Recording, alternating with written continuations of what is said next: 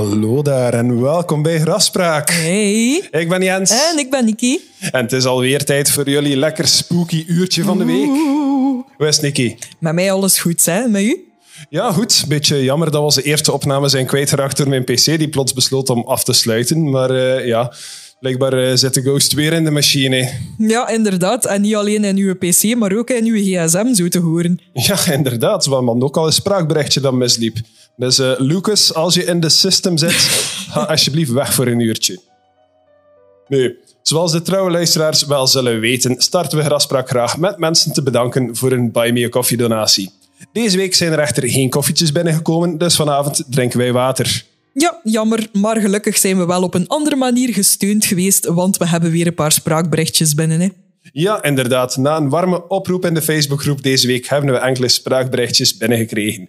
We gingen oorspronkelijk naar dat van Leentje luisteren, maar Leentje, haar berichtje, klonk om een of andere reden zelf een beetje haunted, dus uh, het is helaas niet bruikbaar voor deze aflevering. In plaats daarvan luisteren we naar Evelien. Maar Leentje, we horen jouw verhaal graag nog eens opnieuw opgenomen. Ja, en als het is dat je in een andere dimensie vastzit of zo, laat ons iets weten zodanig dat we je kunnen komen redden. Hè? Inderdaad. Nu, Evelien zegt er nog bij: Dag vriendjes, hierbij een voice message, smiley. Niet heel speciaal, maar misschien een teken van the great beyond. Ben benieuwd. Hey Niki en Jens, het is uh, Evelien hier. Het is uh, buiten keihard aan het regenen, dus ik hoop uh, dat dat de recording niet beïnvloedt. Um, ik las vandaag dat jullie hopeloos op zoek zijn naar nieuwe voice messages. dus wil ik nog snel iets insturen. het is niet echt creepy of speciaal. Uh, maar er is iets waarvan ik altijd dacht van, ah, daar zit toch wel iets meer achter. Um, dus in uh, december 2009 ben ik mijn uh, grootvader verloren. Dat was ook mijn, uh, mijn peetvader. Um, Maurice de Moor, prachtige mens. En nu ja, die is gecremeerd en zijn urne is dan begraven op het kerkhof in Massemen, het dorp waarvan ik vandaan kom. Um, en in het voorjaar, uh, na zijn, uh, zijn overlijden, dus ergens april 2010 of zo, dan um, ging ik voor de eerste keer zijn, uh, zijn graf gaan bezoeken um, op de begraafplaats in Massemen. En ik had op die moment een, een witteke van Hoegaarden meegenomen, omdat dat mijn grootvader zijn zijn favoriete bierke was. Allee, op, op, een bepaald moment toch, want hij had altijd verschillende momenten van favoriete bieren. Uh, maar ik had dus eentje gaan kopen, dat stond lekker koud, ik had dat mee. En ik ging mijn kleermakershit aan zijn graf gaan zetten. Um, mijn grootvader is uh, duivenmelker geweest. Dus uh, ja, die had veel duiven en die vlogen dan Barcelona en zo. Dat was ja, zijn, zijn, zijn leven. Zijn duifjes, dat was zijn leven. En op het moment dat ik dus aan zijn graf zat en ik trek mijn hoegaarden open, vliegt er gewoon een heel nest duiven uit de boom waaronder dat pp ligt begraven. Dus ik dacht van, dat is echt een teken. Ja, op die moment we zijn nog altijd een beetje uh, gek van verdriet en, en je wilt er verder niet over nadenken, maar toch. Vond dat moment, ik heb dat altijd onthouden en ik hoop het diepste van mijn hart dat dat gewoon een teken is van mijn grootvader die zegt: Goed meisje, het dat goed gedaan. Wauw, dank u Evelien om dat te delen met ons. Ja, echt, merci. Ja, ik ben er zeker van dat dat zijn teken was om te zeggen van uh, je bent goed bezig, meisje, en merci voor mijn wetteken. Oftewel, dat die duiven gewoon kwaad waren, dat zij geen wetteken kregen. Dat kan ook wel. dat is gewoon zijn pigeon army, dat hij zo nog uh, met zijn mind kan controleren. Ja, het klinkt bijna als iets uit een film zo. Hè. Dat zou zo'n perfecte afsluiter zijn van de film, eigenlijk, dat over een afscheid van een familielid ging. Of het begin van The Birds. Of het begin van The Birds, dat kan ook. ik heb die eigenlijk nooit gezien.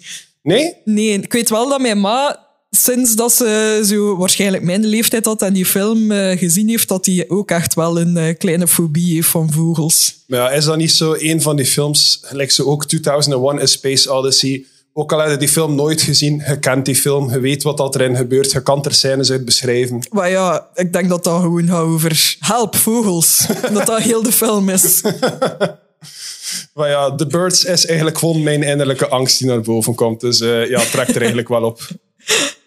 Maar los daarvan, dank u wel, Evelien, voor uw berichtje. Um, ja, Ik vind dat echt wel een heel mooie symboliek. En uh, allee, ja, ik denk dat dat wel echt een, een mooi afscheid is geweest om, om zo'n moment te kunnen hebben. En dat dat wel iets is om te koesteren. Absoluut. Maar voordat we hier te melig worden, gaan we toch een keer overgaan naar de orde van de dag, denk ik. Ja, zeg een keer. Nikki, vertel mij een keer wat je weet over Plato. Oh god, jij met je quizzes altijd. Hè. Uh, ik weet gewoon dat dat een, een Griekse filosoof was. Als zelfs dat al volledig klopt. Dat klopt, dat klopt. Ja, oké, maar verder dan dat... Ik zou niet weten of dat hij tot de nihilisme behoort of niet. Dus... Uh... Plato is op zich een heel fascinerende mens eigenlijk. Um, inderdaad, een Griekse filosoof. Heeft ook gestudeerd onder Socrates. En was de leermeester van Aristoteles. Nu, Plato staat er vooral voor bekend de dag van vandaag, omdat hij de eerste universiteit ever heeft opgericht, de academie. Wat dat gebouw is dat je eigenlijk nog altijd kan gaan bezoeken in Griekenland. Dus dat is de mens dat ervoor gezorgd heeft dat duizenden miljoenen mensen zo drie tot vijf jaar of zelfs tien jaar gebukt onder de stress gaan dat ze moeten studeren. Ja, ja. Bedankt. Iedereen die, uh, ja, die zijn bachelor of master of doctoraat of gelijk wat haalt, of die nu een Banaba of een Manama of whatever aan het doen is, dat is allemaal Plato zijn schuld eigenlijk. Mana, mana. Maar ja, dus Plato was een, ja, een heel gekende filosoof en daarbovenop ook eigenlijk zo de, de eerste echte geleerde die alles begon op te schrijven. Dus uh, zo bijvoorbeeld alles dat we vandaag nog weten over Socrates en de, de zaken dat hij de wereld geleerd heeft, eigenlijk weten we dankzij Plato. Want Plato schreef ze op. Mhm. Niemand anders deed dat echt voor hem. Er waren natuurlijk wel geschriften, maar hij was zo de eerste grote filosoof die alles opschreef. Oké. Ehm, nu, een van zijn bekendste werken is een boek dat De Republiek heet, waarin dat eigenlijk zo'n beetje zijn eigen utopie van politiek landschap uh, aan het omschrijven was. Nu, dat klinkt eigenlijk als vrij saaie materie, maar je zal direct wel zien waarom dat, dat relevant is binnen het verhaal dat ik mhm. Um, dus ja, was een schrijver en uh, hij gaf ze ook een beetje de, um, de epistemische filosofie mee eigenlijk. Uh, ik weet niet of dat You dat lost me there. uh, epistemische filosofie of epistemische ideologische, ik weet niet of dat ik het juist zeg eigenlijk, maar dat wil eigenlijk zeggen... Um, je probeert de reden te achterhalen waarom dat iemand iets weet of waar dat kennis vandaan komt. Zo eigenlijk dat is iets dat we zelf alle dagen doen. Als er nog maar aan iemand vraagt, hoe weet hij dat? Zijn eigenlijk al epistemisch aan het filosoferen. Oké. Dat is eigenlijk een theorie dat hij heeft opgesteld.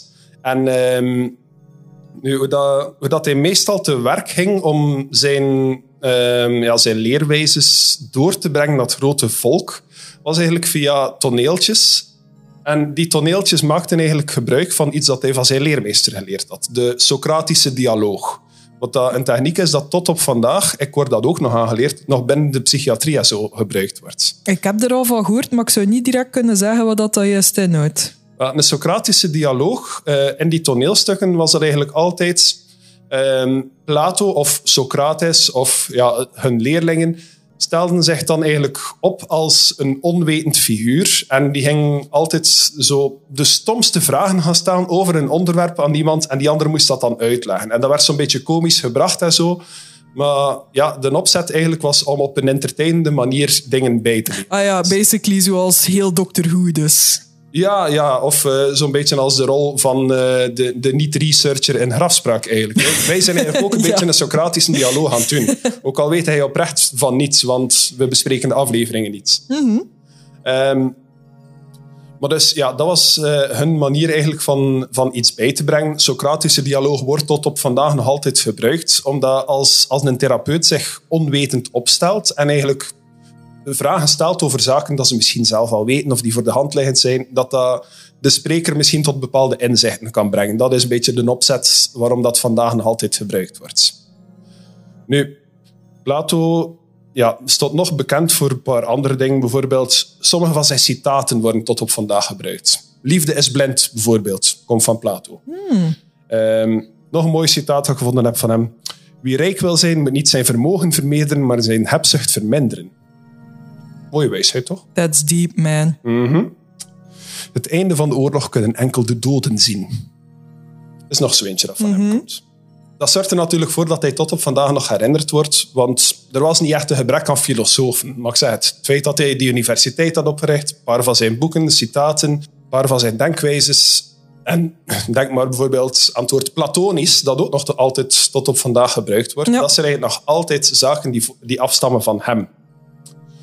Nu, naast zijn boek dat hij geschreven heeft, eh, De Republiek, is er nog een belangrijk boek dat hij, tot op van, eh, dat hij geschreven heeft, dat tot op vandaag eigenlijk nog een heel grote invloed heeft op onze popcultuur, zal ik maar zeggen. Het boek Ik zit hier nu echt te wachten op dat het een boek gaat zijn van zijn encounter met aliens. Of, of dat spookte bij hem thuis of zo. Dus ik ben echt benieuwd wat dat gaat zijn. Nee, het boek heet eh, Timaeus en Critias.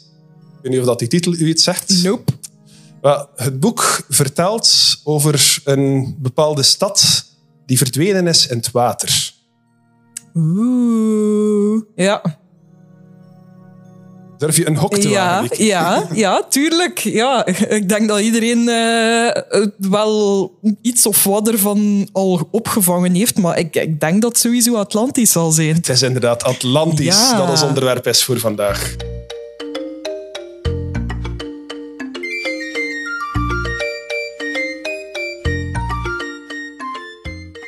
Nu, ik zal, ik zal eerst vragen, wat weet jij al over Atlantis?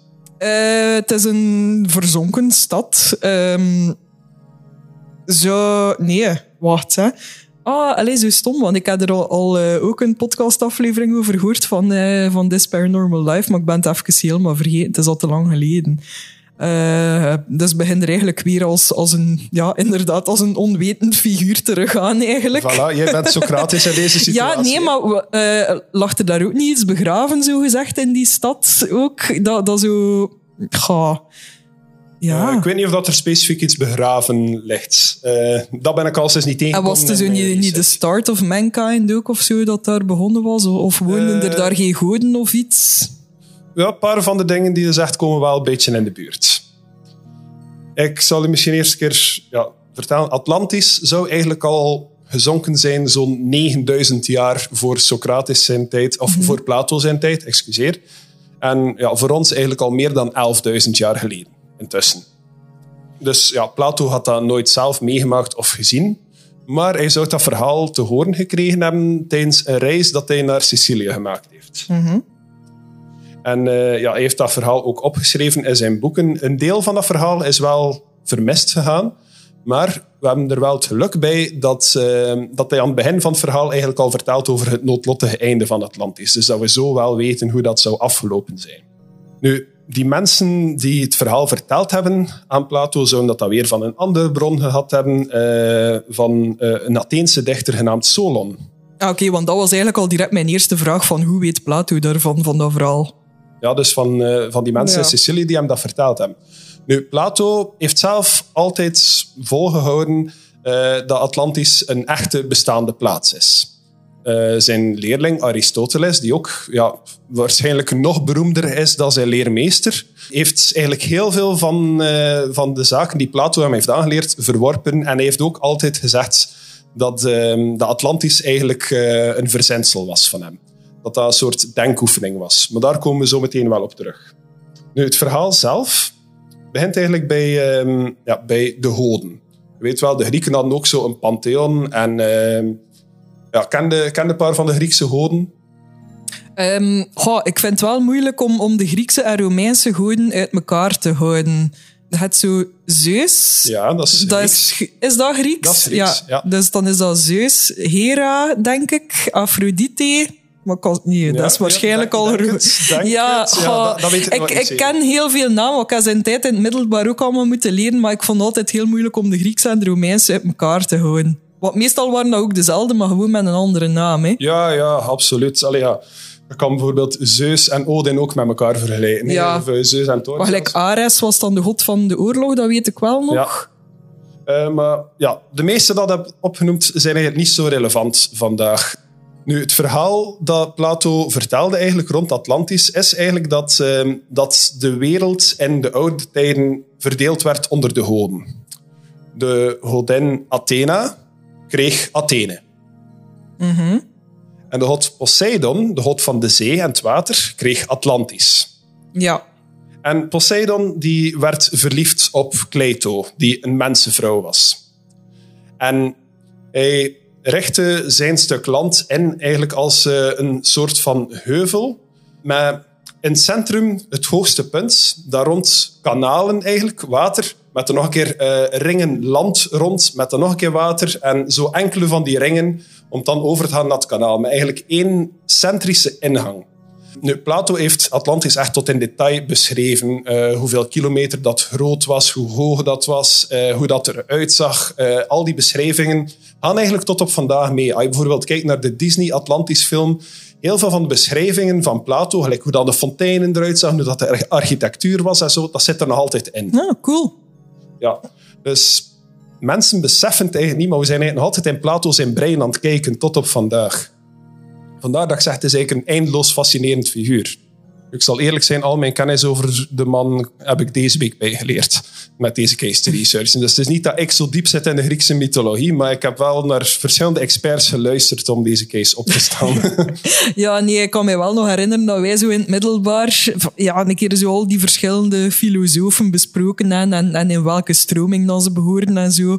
Maar ik zou begot niet meer weten allez, wie dat er een aanhanger is van wat bijvoorbeeld. Maar ik vond dat wel fascinerend langs de kant. Ja, dat is wel. Met deze case te onderzoeken ben ik er eigenlijk ook een beetje bij beginnen stilstaan van ik heb die dingen ook nog geleerd, maar het is eigenlijk jammer dat ik nooit heb, op, heb opgelet vroeger of ik had misschien al vroeger weten dat dit mij fascineert.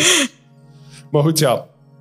Dus Atlantis wordt opgericht door Poseidon. En de reden dat eigenlijk die concentrische ringen zo wat maken was met die kanalen, was omdat hij Kleito daar ook ter plaatse wou houden. Hij wou haar beschermen, maar hij wou ook niet dat ze kon weglopen van hem. Dus in die tijd was dat misschien een perfect logische redenering, maar vandaag zou het al een serieuze rode vlag zijn, okay. al komt het van een god. Ik ga trouwens een keer opzoeken, tenzij dat jij dat weet, van, van wat dat Kleito uh, de, de godin is. Uh, zij was een mens, zij was geen godin. Ah, oké. Okay. Poseidon was gewoon verliefd op haar. Ja. Nu, samen hebben die verschillende kinderen gekregen, die dat wel halfgoden waren. En die kregen ook zelf een stuk van de heuvel. Uh, de eerste koning van hen zal misschien ook een naam zijn dat jij kent, is Atlas. Mm -hmm. En die was de koning van Atlantis eigenlijk. Nu, het ene schrift zegt dat hij Atlas heette, het andere zegt dat hij Atlantis heette. Maar het zou dus dezelfde figuur zijn. En ja, hij kreeg het centrale en het grootste deel van de heuvel, wat dat ook Kleito zit eigenlijk. Dat zou dus zo'n 11.000 jaar geleden geweest zijn. En uh, wat dat Plato beschreef was dat er kanalen waren die 9 kilometer lang waren. Uh, de meeste mensen woonden eigenlijk net voorbij de buitenste waterring, dus op de buitenste cirkel van het geheel. Die ringen hadden een diameter van 1,7 kilometer. Uh, er lag daar ook nog 530 kilometer landbouwgrond rond en zo. Het waren echt wel heel specifieke beschrijvingen dat hij eraan gaf. Heeft er iemand ooit de moeite gedaan om dan een keer uit te tekenen hoe dat, dat er zou uitgezien hebben? Ja, ja. Hem? Zometeen meer, meer daarover. Okay. maar dus, ja, zelfs los van het verhaal van de hoden en zo, had het eigenlijk dat, uh, dat Atlantis qua ontwikkeling veel verder stond dan gelijk welke andere beschaving op dat punt. En ja, dat er daar ook weer een beetje de, ja, de, de typische zaken dat we tot op vandaag nog altijd zien voorkwamen. Hè. De, de, de machthebbers, de rijken, die zich dan ook uh, ja, verhoffen voelden of verheven voelden boven, uh, boven de armere bevolking. Um, ja, de drang om constant oorlog te gaan voeren en eigenlijk te luisteren naar, naar de gewelddadigen in plaats van naar de wijzen. En vandaar dat... Um, dat ook een beetje de stelling komt dat Plato dit eigenlijk zou verzonnen hebben. Want dat wordt eigenlijk tot, tot op vandaag door geleerden die zich specialiseren in Griekse filosofie eigenlijk nog altijd volgehouden van um, Atlantis was eigenlijk Plato's manier om, um, om een denkoefening uit te voeren via die Socratische dialogen van we scheppen hier de perfecte utopie en we tonen hoe dat misgaat. Nu, Atlantis zou uiteindelijk gezonken zijn als straf van de goden voor hun hebzucht en machtzucht. Uh, nu, Plato vertelt er ook in dat Atlantis en Athene in oorlog zijn geweest en dat Athene hen gecrushed heeft, wat dat dan eigenlijk weer een moraalbooster was voor zijn eigen Atheense volk. Uh, het feit dat uh, de Atlanteanen of de Atlantiërs, of ik weet niet hoe dat je ze moet noemen eigenlijk. Atlantezen. de Atlantezen, voilà. dat die eigenlijk zo, zo war-hungry waren, was ook zijn aanklacht dat er in zijn tijd ook werd geluisterd naar de highest military people en niet naar de filosofen, waarvan dat hij vond dat ze aan de macht moesten zijn. hij was ook van de stelling van macht hoort eigenlijk vooral bij de mensen die geen macht willen, maar die in de positie zitten omdat het niet anders kan. Historisch gezien heeft hij daar wel gelijk in gehad. De beste leiders zijn altijd die geweest die noodgedwongen de leiding hebben moeten nemen. Dus daar volg ik hem wel in. Plato was zelf ook wel van rijke aristocraat aristocratische familie. Uh, voelde zich ook beter dan, uh, dan de arme mensen onder hem en zo. Dus hij was zelf ook niet uh, wat we vandaag zouden beschrijven als een echte super toffe mens. Ja, oké, okay, maar dat was misschien ook de enige reden dat hij effectief de mogelijkheid had om te leren lezen en schrijven ook. Wat kan mij voorstellen dat niet iedereen dat kon in die tijd? Ja, dat weet ik eigenlijk niet hoe, hoe toegankelijk dat, uh, dat scholing en zo was voor de Grieken. Maar er was altijd wel een klasseverschil. Ah, wel, Evelien uh, van de Voice Message, jij hebt uh, geschiedenis gestudeerd ook, voor zover dat ik mij kan herinneren. Dus get back to us on that. Voilà, hij weet dat. ja, wat dat er ook nog een rol speelde, was... Um, naast het feit dat het leger zo machtig was in Athene, had je dan ook nog een keer de, de ongeleerde de, de vissers eigenlijk die ook een groot deel van het macht en het kapitaal van de stad in handen begon te krijgen, waar dat Plato eigenlijk ook volledig tegen was. Hij wou dat het geld bij de rijken bleef. Dus uh, ja, Plato was eigenlijk zo de, de, de man die zo aan de, kant, aan de kant zou staan van de mensen die online gaan om miljardairs te verdedigen. Zo. maar goed, ja, in het verhaal dus zingt Atlantis. Dat is denk ik het meest gekende fenomeen rond Atlantis, dat het zou overspoeld geweest zijn. Nu, wat dat wij vandaag gaan proberen uitzoeken, Niki, is of dat Atlantis al dan niet echt zou kunnen bestaan hebben. Oh my god, gaan we op reis? ja, ja. We gaan nu naar Griekenland. Uh, een andere reden ook dat, uh, dat geleerden denken dat Plato het waarschijnlijk verzonnen heeft, is de manier dat hij zijn bronnen vertelt. Dat hij zegt van, ik heb dat gehoord van vrienden die het van hun opa hebben gehoord, die het van een andere filosoof gehoord hebben, mhm. dat dat eigenlijk zijn manier zou zijn om te zeggen van, je moet het eigenlijk niet te serieus nemen. Dat is gewoon de kludde van zijn tijd geweest. Voilà, Atlantis is de kludde. Maar wat blijkt dus, Plato is niet de enige die over Atlantis geschreven heeft. Lange tijd werd er gedacht dat Atlantis voor het eerst ter sprake kwam in zijn boek. En dat heeft het ook wel bekendst gemaakt. Maar er zijn nog verschillende mensen die erover geschreven hebben. Eerst gaan we een paar honderd jaar na Plato kijken naar een Joodse filosoof genaamd Philo. En die zou over het gezonken eiland schrijven.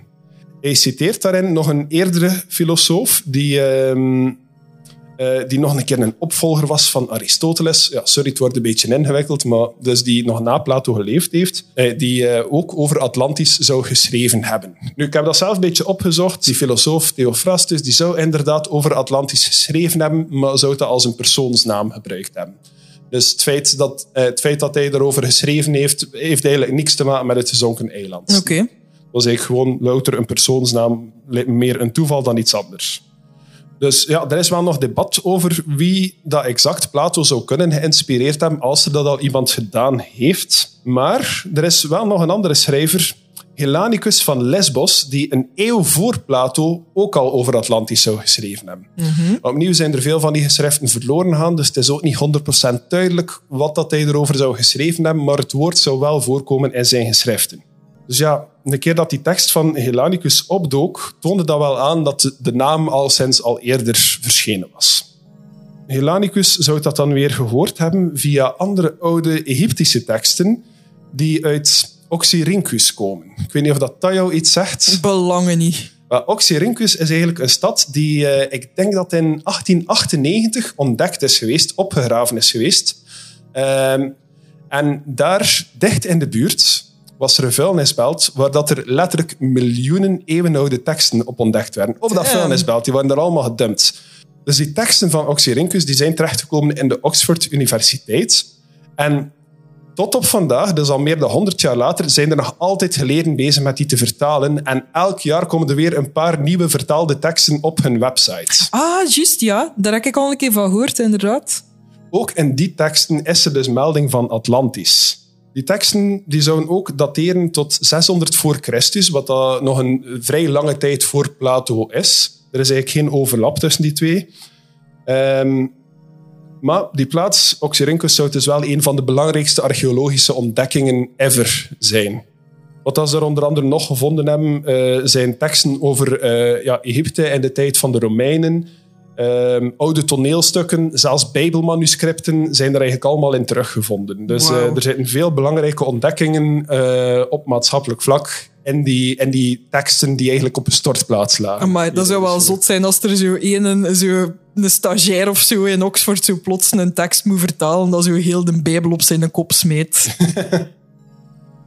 Nou ja, hoe, hoe dieper dat je graaft, eigenlijk, eh, hoe meer informatie dat je dus wel vindt dat er nog over Atlantis geschreven is, of dat het al sinds al iets is dat aanwezig was in, ja, in het gemeenschappelijk brein, zal ik maar zeggen, in de hive mind.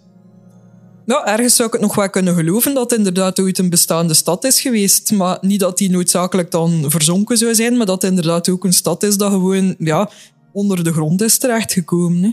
Wel, dat is al sinds wel precedent voor zo'n dingen die gebeuren. Want ehm, ik neem aan dat je wel al een keer van de stad Troje. Ja. Troje, daar werd er heel, heel, heel lang over gedacht dat dat een fictieve stad was. Dat dat nooit bestaan heeft. En tot 100 jaar geleden, iets meer dan 100 jaar geleden, was dat ook een feit dat vaststond. Als je, op zoek, of als je zei dat op zoek ging gaan naar Troje, bekeken mensen nu alsof dat je vandaag op zoek zou gaan naar Atlantis. Zo van, ja, hij is zot, dat bestaat niet.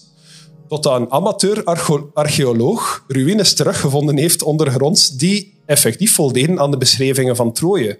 En waar dat er tot op vandaag nog altijd van geloofd wordt van dat is Troje. Dus de kans dat er ergens nog steden zijn die tot op vandaag als fictief gezien worden, maar die eigenlijk wel bestaan, is er eigenlijk wel.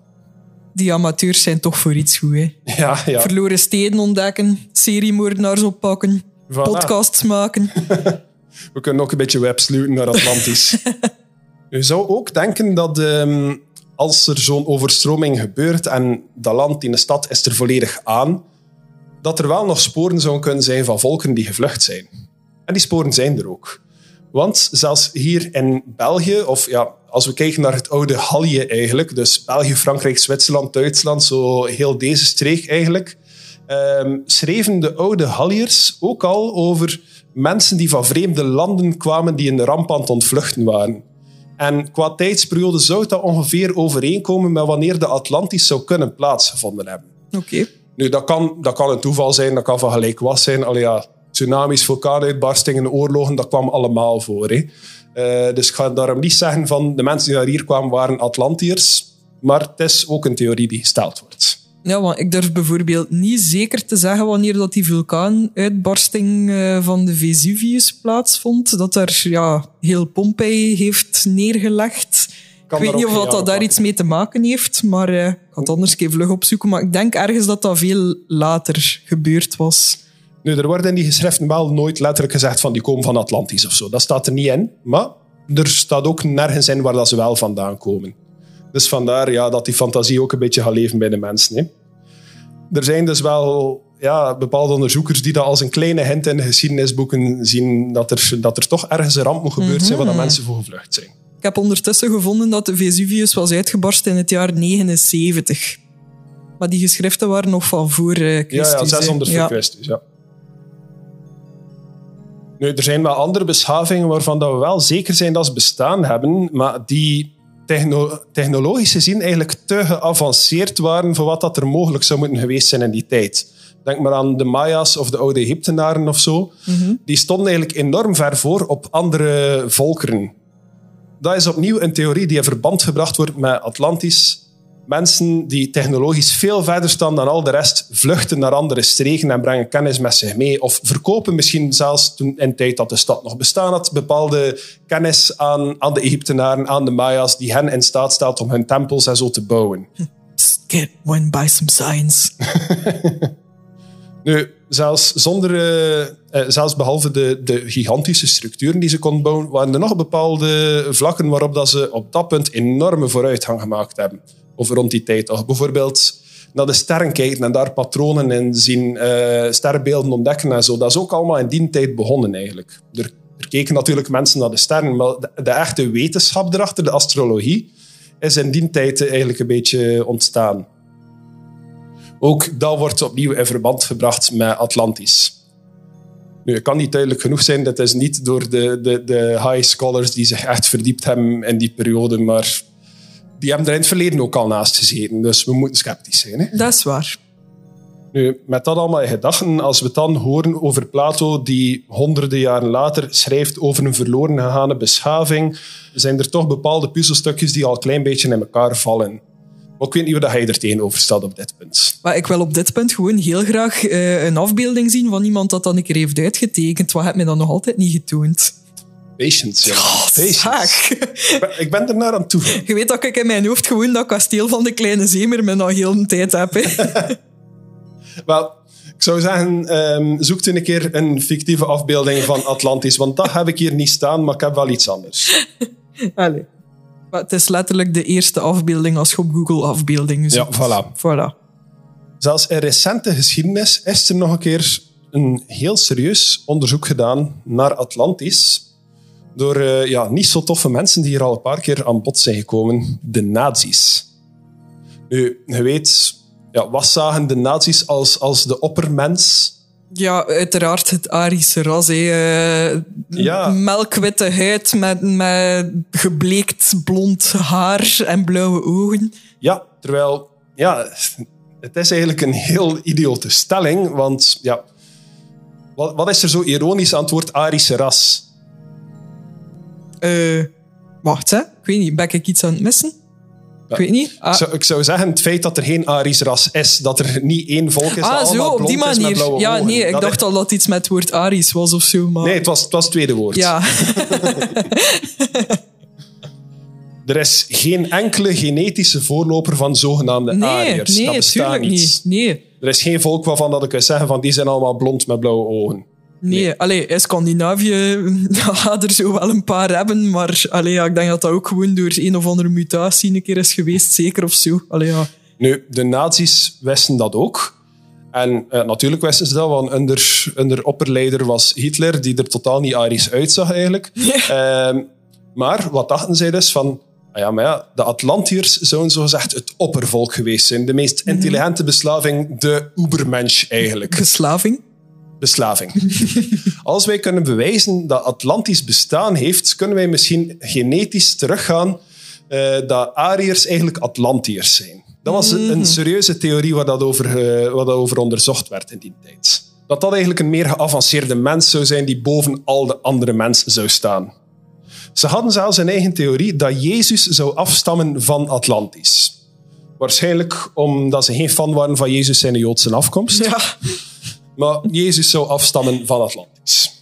Nu, veel mensen, zowel binnen de nazi-kringen als daarbuiten, geraakten uh, ja, geïnteresseerd eigenlijk in Atlantis en mogelijke sporen die tot op vandaag zouden kunnen overblijven.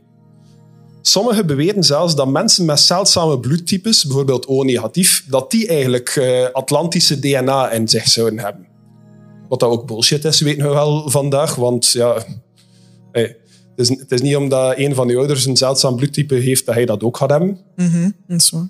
Maar ja, en ook is er tijd uh, een theorie geweest dat resus-negatieve mensen, dus mensen met negatief bloedtype, dat die uh, Atlantisch DNA zouden hebben. Maar ja, ik denk niet dat er daar ooit serieus bewijs voor gevonden is. Dat is gewoon een theorie dat ik ook ben tegengekomen in mijn research. En anders is dat heel jammer dat ik al uit een boot val, want ik ben uh, positief. Ik ook.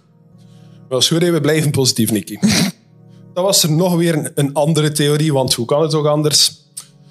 Die stelde dat roodharige mensen uh, afkomstig zouden zijn van Atlantis. Net omdat die vrij zeldzaam zijn eigenlijk in vergelijking met, met, andere, met andere haarkleuren. Dat zou dan ook betekenen dat roodharige mensen van het Spaanse Baskeland en van ja, de, de, de Ieren met de Keltische voorouders, dat die eigenlijk van Atlantis zouden afstammen opnieuw ja, stel mij wel de vraag uh, of dat er daar iets van werkelijkheid zou kunnen achterzitten, maar het is een theorie die gesteld werd. Nu, het zou mij honestly verbazen dat net op dat ene eiland iedereen rood haar of blond haar zou hebben of zo. Maar Josephine, als jij deze aflevering beluisterd hebt, jij zit momenteel het tekst aan de bron. Zoek dat daar een keer uit of dat je daar een paar Ariërs ziet rondlopen. nu, de hedendaagse populariteit van Atlantis komt uiteraard niet alleen van Plato, want sinds zijn tijd heeft dat nog mensen geïnspireerd. En um, één man in particular, een Amerikaan... Uh, die... Walt Disney. Sorry. Nee, Ignatius Donnelly eigenlijk. Dat was een Amerikaanse congressman en een auteur en onderzoeker die ook een zoektocht gedaan heeft naar eh, het gezonken koninkrijk. Schreef in 1892 een boek waarin dat hij stelde dat Atlantis eigenlijk de oerbeschaving was, waar dat alle andere beschavingen uit voortgekomen zijn. Hij was ook de eerste mens eigenlijk die met de theorie kwam dat Atlantiërs het oorspronkelijke Arische ras waren. Want het Arische ras was al een concept dat bestond lang voor de nazi's. Atlantis zou volgens hem een plaats geweest zijn waar dat onder andere de tuin van Eden zich bevond. En dat zou verwoest geweest zijn ten tijde van de Ark van Noah, met de grote overstroming die heel de wereld zou verwoesten. Ja. Nu, in het katholieke Amerika eh, werd dat verhaal natuurlijk eh, wel aanvaard voor een deel. Maar ja, de dag van vandaag zou ik ook zeggen, dat is een beetje vergezocht, die gast. Maar wat we wel weten, is dat er wel geschiedkundig bewijs is voor grote stukken land die overspoeld geweest zijn en die verdwenen zijn in de oceaan. Denk maar aan ja, landen eigenlijk net in die mediterraanse Griekse streek, waar dat er heel veel tsunamis voorkomen.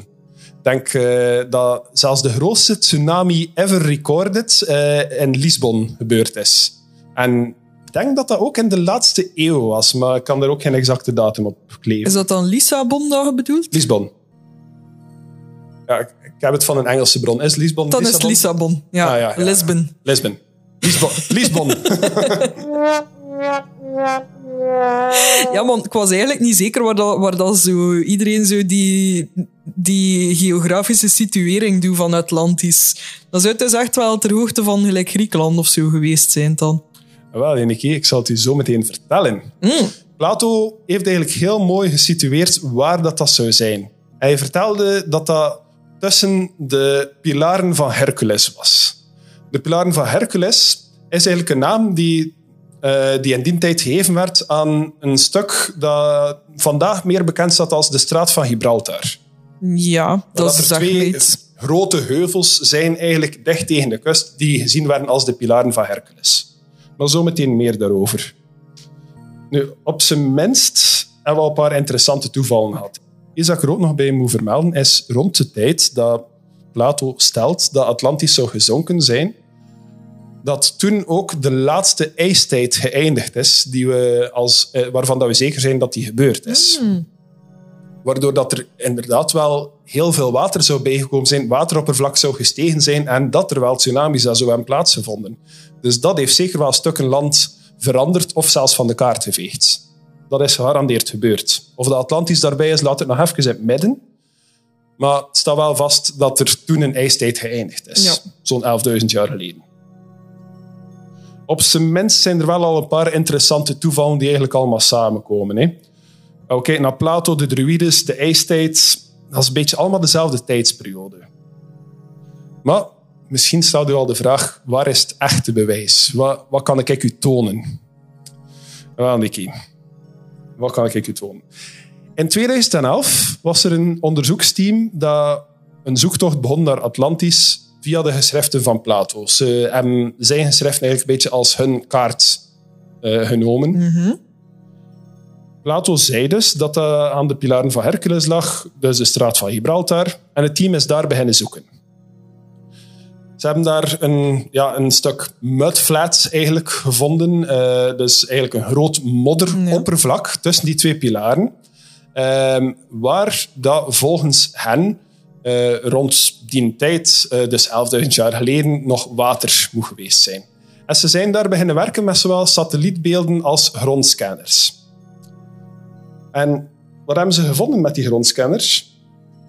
Ze hebben structuren eh, gevonden die eigenlijk duiden op een eiland in de vorm van ringen met kanalen tussen. En via, ja, via een computerprogramma van National Geographic is dat een beetje beeld gegeven en ik zal je dat een keer tonen. Oh, wauw. Ja, eh, dat is inderdaad zo een cirkel in de cirkel in de cirkel. Ja, hè? Ja. De afbeelding zal ook wel eh, online staan.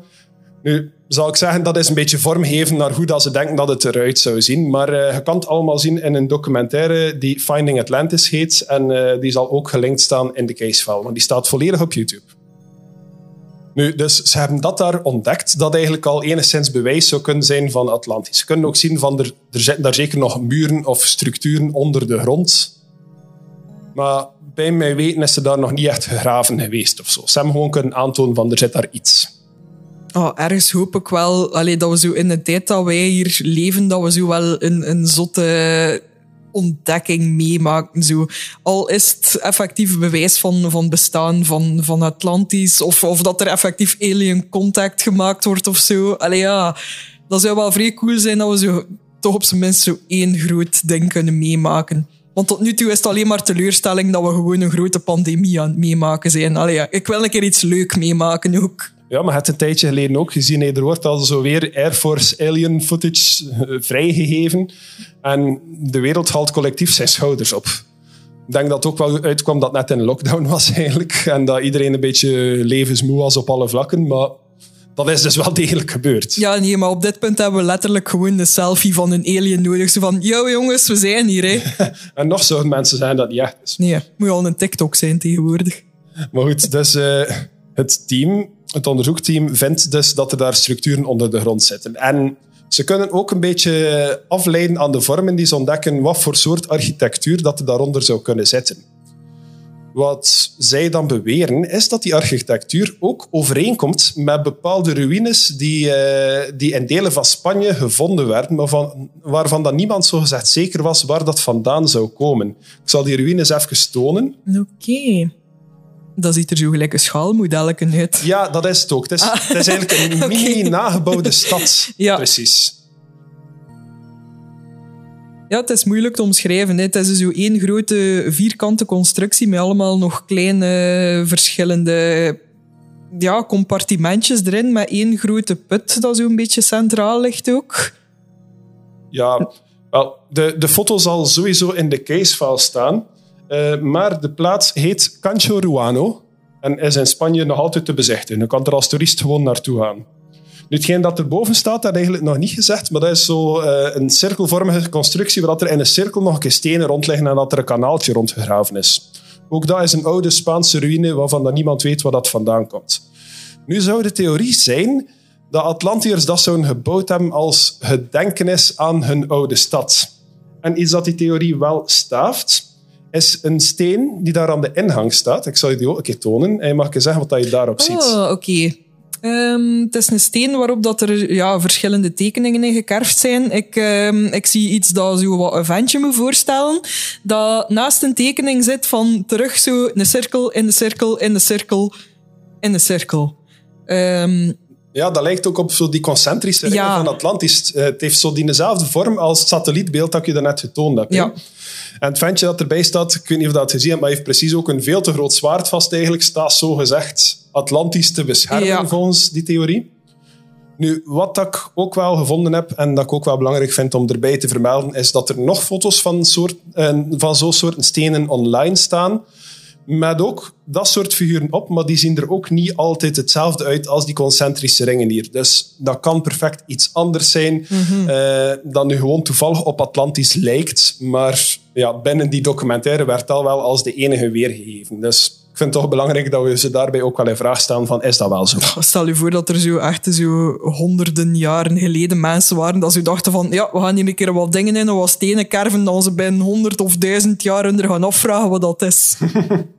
Dus ja, de hoofdonderzoeker van dat team, eh, een man genaamd Richard Freund, zei dat een tsunami zeker wel de kracht zou moeten hebben om een stuk land ter grootte van wat dat zij schatten dat Atlantisch zou moeten zijn, te overspoelen. Uh, ah, ik, had, ik had hier teruggevonden van die, uh, van die tsunami in Lissabon. Dat was in 1755 eigenlijk. En dat zou een tsunami van tien verdiepingen hoog geweest zijn die Lissabon toen overspoelde. Oh, damn. Ja. Maar dus ja, de documentaire Finding Atlantis die staat volledig op YouTube. Ik vind hem wel interessant om te bekijken. Uh, al stel ik me wel vragen hoe waarheidsgetrouw dat alles is erin. Maar er is nog een, uh, een man die een documentaire gemaakt heeft uh, en op onderzoek gegaan is naar Atlantis. En die man zou je volgens mij wel kennen. De man heet James Cameron. Ja, wacht, van waar ken ik die? dat is toch dat is toch die regisseur, hè? Ja. ja, ja, ja, Bekend van? um, wacht, hè. Dat is niet die dat... Wat, hè? Ah, nee, maar ja, ik haal die zo door elkaar, hè. Ik, ik verwar die met Spielberg en al. Zeg uw eerste gedachte. Welke film heeft James Cameron gemaakt? Mijn eerste gedachte ging Avatar geweest zijn, Ja. maar dat... Ja, toch? Ja, Avatar en. Titanic zijn zijn bekendste films. Avatar en Titanic. Maar goed, James Cameron heeft dus ook eh, een zoektocht gedaan naar Atlantis. En ehm, de- daar ook een documentaire van gemaakt. Eh, en die documentaire staat op Disney Plus trouwens. Bij de National Geographic documentaires. Ah, dat was waarom dat ik niet naar Disney Plus mocht kijken. Eh, de documentaire heet Atlantis Rising trouwens. En wat Cameron vond, was ehm, in de streek waar dat Atlantis zou geweest zijn, of zo'n beetje van de kust verwijderd, is dat er daar eeuwenoude ankers voor boten eh, lagen, eh, die, die minstens al 4.000, 5.000 jaar oud moeten geweest zijn, of misschien zelfs nog ouder.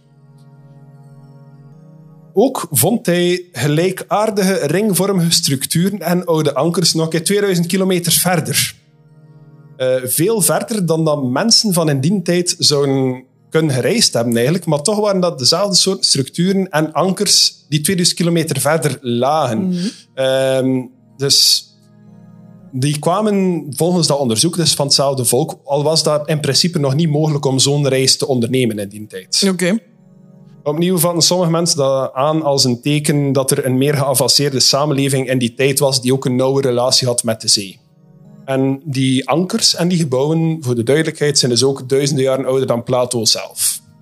Nu, er is nog een belangrijk detail in de geschriften van Plato waarover dat hij schrijft. Eh, hij schrijft erin dat eh, Atlantis een rode gloed had s'avonds. En dat kwam vanwege een bepaald metaal dat enkel in Atlantis gebruikt werd. En dat heette orichalcum. En dat zou het land rood doen gloeien. En de tempel van, Pos- van Poseidon, die in het centrum van Atlantis stond, zou ermee versierd geweest zijn en zou het felste gloeien van allemaal. Nu, mensen dachten dat dat een verzinsel was, want orichalcum bestaat niet. Of bestond niet. Totdat er iets ontdekt werd in 2015. Een team van marinearcheologen vond een scheepswrak dat opnieuw eh, bijna 3000 jaar oud was, dicht bij de kust van Sicilië. En in dat schip zaten er 39 stukken van een tot op heden onontdekt metaal. Die voldeden aan Plato's beschrijving van orichalcum. Ik heb er zelfs een foto van. Die hebben lang in het water gelegen, maar ehm, er is dus getest geweest naar de samenstelling van dat metaal door, ehm, door professor Seba- Sebastiano Tusso, die bij het team zat die het wrak vond. En eh, zei dat, die, dat dat metaal eigenlijk een vrij unieke structuur had en dat het iets voor ons ongekend was eigenlijk, dat wel voldoet aan de beschrijvingen van Plato. Maar eigenlijk is dat metaal een mengelmoes van andere metalen, gelijk koper, zink, look heb ik hierbij geschreven, maar dat ik niet dat look een metaal is. Dus, eh, Wat? dus ik weet even niet wat dat ik bedoel. Welke bronnen heb je gecheckt? Koper, zink, look, nikkel en ijzer. ik denk dat de lood bedoel. Lood zou dat geweest. Maar alles is beter met een beetje look. Sebastiano Tusso wist dat ook. Ja, volgens hem was er... eh, ja, is dat niet iets dat in de natuur voorkwam. Nu, is het misschien wel mogelijk dat ja, door... Dat is nu volledig mijn eigen speculatie, dat dat heeft Tusso niet gezegd, maar misschien die- door een vulkaanuitbarsting of zo, dat de verschillende metalen die in de grond zaten door elkaar zijn beginnen smelten of zo. Ik weet het niet. Maar al sinds dat metaal, waarvan dat er dus zoveel stukken in dat schip bewaard werden, is nog nergens anders ontdekt en menen ze ook niet wat dat het nut ervan eigenlijk ging zijn. Nu, vroeger werd er ook gespeculeerd dat orichalcum, waar dat Plato over schreef, dat dat eigenlijk gewoon amber was. Wat dat wel een bestaand metaal is met ook een rode kleur. Eh, en dat ook op natuurlijke wijze kan gemijnd worden. Maar sinds die ontdekking van, eh, van dat schip natuurlijk denkt men er anders over. Maar zowel het want het heeft vandaag nu wel die naam gekregen, dat metaal, eh, als amber heeft eigenlijk zijn rode kleur door een hoog kopergehalte.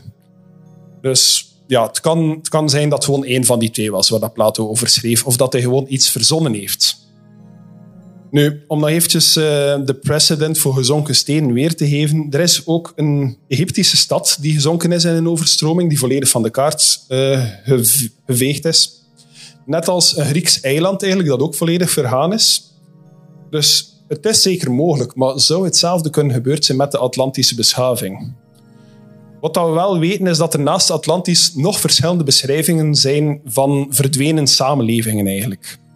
Ongeveer 3600 jaar geleden dus, uh, zou het Griekse eiland Santorini verwoest geweest zijn door een vulkaan, waar dat ook een hoog geavanceerde samenleving moet gewoond hebben voor die tijd. En uh, die samenleving kreeg retroactief de naam Minoanen. Dat is geen naam die, die ze zichzelf gaven, maar die gegeven is door de mensen die hun samenleving achteraf ontdekt hebben. Ja, nog nooit van gehoord. Want ja, die stad is ontdekt geweest. Je kan die tot op vandaag ook gaan bezoeken, want die is uh, excavated geweest. Uh, en ik heb er beelden van gezien. Het ziet er eigenlijk echt heel mooi uit. En lange tijd werd er ook gedacht dat dat eigenlijk was waar het verhaal van Atlantis vandaan kwam. Maar qua tijdslijn klopt het niet, want Atlantis zou 11.000 jaar geleden geweest zijn. En Santorini zou 3600 jaar geleden geweest zijn. Dus er zit wel ja, zo'n 7000 jaar verschil eigenlijk. Dus net iets te veel om geloofwaardig te zijn. Dus ja, tot op vandaag blijft er nog altijd wel debat razen. Kan Atlantis echt geweest zijn of niet? Korte antwoord is dat niemand het weet, maar dat de meeste wetenschappers hun reputatie nooit zouden riskeren door te zeggen dat het wel echt kan. Wat we wel weten is dat er ja, te veel bewezen toevallen zijn om ook volledig te zeggen dat het onmogelijk is.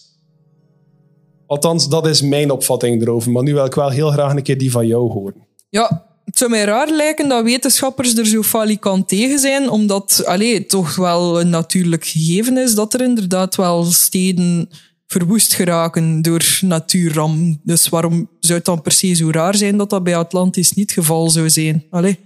Ja, ik denk dat dat ook deels is omdat Atlantis zogezegd een zo geavanceerde samenleving moet geweest zijn die zoveel verder stond op al de rest van het menselijk ras. En ja, geleerden die, die Plato zijn geschriften en zijn lessen ja. bestuderen, zeggen eigenlijk ook van met Atlantis heeft Plato eigenlijk het eerste science fiction verhaal ever geschreven. Ja, eh, dat ben ik misschien inderdaad nog bereid om te geloven dat alle verhaaltjes en, en ja, rariteiten er rond inderdaad wel erbij verzonnen zouden zijn. Maar ja, ik kan er wel in meegaan dat, dat het verhaal ergens begonnen is, maar effectief inderdaad een stad dat door een tsunami of gelijk wat inderdaad verwoest is geraakt. En dat, zoals elke goede legende, dat er daar uh, telkens wat meer dingen zijn bijgekomen, tot als dat zijn eigen leven is beginnen leiden. Ja, tuurlijk, zo gaat dat altijd. Hè. Eh, Atlantis is sowieso nog altijd aanwezig in de cultural mind. Ik denk dat ik denk dat rond de millenniumwisseling was dat de film Atlantis van Disney is uitgekomen. Als ik mij goed herinner, speelt de kleine zeemermin zich ook af in Atlantis. Mm. Aquaman van DC is volgens mij ook van Atlantis. Um, er, zal, eh, er is wel een Marvel-alternatief, de Submariner, maar ik weet niet of dat die ook iets met Atlantis te zien heeft of niet.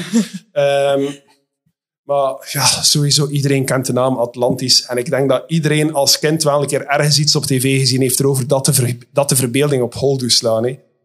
Heb hij ooit uh, geloofd dat Atlantis bestaat of er ooit door gefascineerd geweest als kind? Ja, op zich, allee, De Kleine Zemermin was als ik klein was altijd een van mijn favoriete films. En ik vond dat fantastisch om zo dat paleis te zien en, het leven onder water. Allee, ik wou een zeemermin zijn. Hè.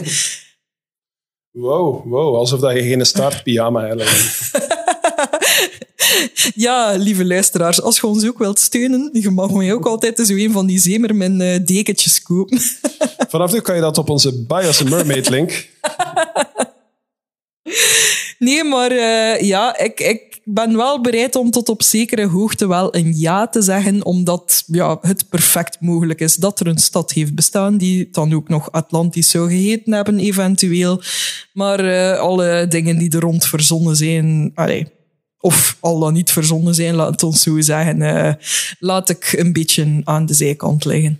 Dus uh, Nikki, jij durft jouw verworven reputatie als paranormaal onderzoeker dat je hebt opgebouwd door ja, één, jouw, jouw, jouw doctoraatstudies over heel de wereld eigenlijk. Plus dan nog een keer... manama. Ja, wel, je manama. En uh, jouw uh, bijna 40 uh, eh, afleveringen aan ervaring aan paranormale podcasts. Die reputatie durf jij erop te wagen door te zeggen dat Atlantis echt is? Ja. Wel, ik volg je tot diep in de zee, Laat ons samen op zoektocht gaan naar Atlantis. De volgende koffietjes gaan naar een duikbril. Oeh, een dubbele ja dus over Atlantis. Wie had het ooit gedacht? ja, voor, de duidelijkheid, ik geloof ook niet dat het een stad is die geschapen is door de goden of zo. Hè, maar gewoon het feit al dat er eeuwenlang gedacht geweest is dat Troje fictief was, dat Troje nooit bestaan had en dat toch het tegendeel bewezen is, is voor mij toch al genoeg om, om te durven zeggen van Tuurlijk kan, kan het dat er ergens ooit een Atlantis moet geweest zijn of iets dat achteraf door mensen de naam Atlantis gekregen heeft. Ik geloof dat het kan. Ik geloof daarom niet dat, dat de beschrijving van Plato volledig waarheidsgetrouw was, want hij heeft het ook nooit gezien. Maar heeft het daarom nooit bestaan? Ik denk dat er veel dingen uit de geschiedenis zijn, veel volkeren en steden en landen waar dat we eigenlijk nooit van zullen geweten hebben, net omdat er zoveel geschriften verloren gegaan zijn. Denk bijvoorbeeld aan de bibliotheek van Alexandrië die afgebrand is geweest. Hoeveel kennis is er daar niet verloren gegaan op, ja, tijdens dat vuur eigenlijk? Je Ja. weet, waren er daar geschriften over, over Atlantis die we nooit gezien hebben? Inderdaad. En allee, om nog maar te zwijgen van het feit dat er vroeger gewoon niet iedereen de kans had om te leren lezen en schrijven. Hè. Wie weet hoeveel kennis dat er niet neergeschreven kunnen worden, maar is gewoon niet neergeschreven geweest. Ja, dat kan ook wel. Maar aan de andere kant volg ik dan ook wel de, de scholars theory van Plato, die het eigenlijk als een soort denkoefening binnen zijn Socratische dialogen zag, om zo eigenlijk meer zijn punt naar huis te brengen dan een waarheid weer te geven. Maar ik zeg het, zelfs zijn meest bekende leerling, Aristoteles, weigerde eigenlijk om Atlantis als waar aan te nemen en zei ook dat, de, dat het letterlijke verzinsel was. Dat Plato een heel rijke fantasie had en dat hij dat verzonnen had. Wie zal het zeggen? Ik weet het ook niet, maar we moeten, dat er ook wel, we moeten daar ook wel rekening mee En houden. wel, wie zal het zeggen? Die ene stagiaire in Oxford dat er al die teksten aan het vertalen is. Werk sneller. Ja, Oxford heeft gewoon meer budget naar de Atlantis-teksten. Jesus. Of huurde ons even in. Ik wil ik dat gerust wel even komen doen. Ze. Ja, hoe ga je dat doen? Met een, een ontcijfersleutel. Ja, ik ben vrij zeker van dat zo werkt. nu, wat denken jullie, beste luisteraars? Atlantis, is het echt of niet? Geef ons graag jullie mening. Je kan dat doen via sociale media. We zitten op Twitter, op Instagram, op Facebook. En er is dan ook nog eens de Facebookgroep, de Grasbrak Community. Kom erbij, het is verdomd gezellig. Ja, klopt. Daar kan je altijd terecht om nieuwe ideeën te pitchen of je mening te geven over onderwerpen die al gepasseerd zijn of wanneer dat je toevallig weer een keer een goede meme hebt zien passeren. Allemaal welkom. Inderdaad. Deze week was er ook nog een leuke thread over eh, iedereen die hun zwarte dieren mocht posten vanwege, eh, vanwege de Black Dog aflevering. Dus eh, ook leuke wholesome animal pictures zijn zeker welkom, zolang dat ze zwart of een klein beetje spooky zijn. En juist op het moment dat je dat zegt, komt onze eigen kat hier flossen tegen mijn benen. Maar je doet dat in elke aflevering eigenlijk. Wil jij ons graag ook nog een beetje steunen, dan kan dat natuurlijk met een koffietje. Je vindt de knop daarvoor ook terug op onze website graspraak.be. En daar kan je ook een voice message insturen, moest je graag ook nog eens in onze aflevering gefeatured worden. Inderdaad, net als Evelien dat gedaan heeft aan het begin van deze aflevering. Nu, naast, eh, naast manieren om de aflevering te steunen, zijn er nog wel een paar dingen te doen op die website. Er is onder andere ook nog een casefile die je kan lezen over elke aflevering. Onder andere ook deze, waar dus foto's, filmpjes, eigen notes, alles erin staat. Plus dan ook nog eens de links waar we zelf onze informatie vandaan halen. Daarnaast is er ook nog een link naar onze webshop, waar je t-shirts, koffiemokken, totebags en stickers allemaal met ons logo kan kopen. Je zou bijna zeggen dat we harder werken dan de die van Oxford. Lazy bastards. Raspraak is dan ook toch te beluisteren op Spotify, op Apple Podcasts, op Stitcher, op ja, eender welk podcastplatform van jouw keuze eigenlijk. En staan we toevallig niet op jouw favoriete platform, laat het ons zeker weten en we brengen dat onmiddellijk in orde voor jou. Als je Raspraak wil steunen, maar daarvoor geen financiële bijdrage kan of wil doen en je stem niet meteen in een podcast wil te horen krijgen, is er nog een manier dat je ons kan steunen, namelijk door te abonneren. Want elke abonnee haalt ons hoger in de rankings en zorgt ervoor dat meer mensen ons kunnen ontdekken. Want als je toch niet zou abonneren, dan zal een of andere creepy waterhot je meenemen naar het centrum van de heuvel en een deel kanaal in rondbouwen, zodat je nooit meer kan ontsnappen. Dit was Grafspraak. Bedankt voor het luisteren. Tot volgende week. Blup.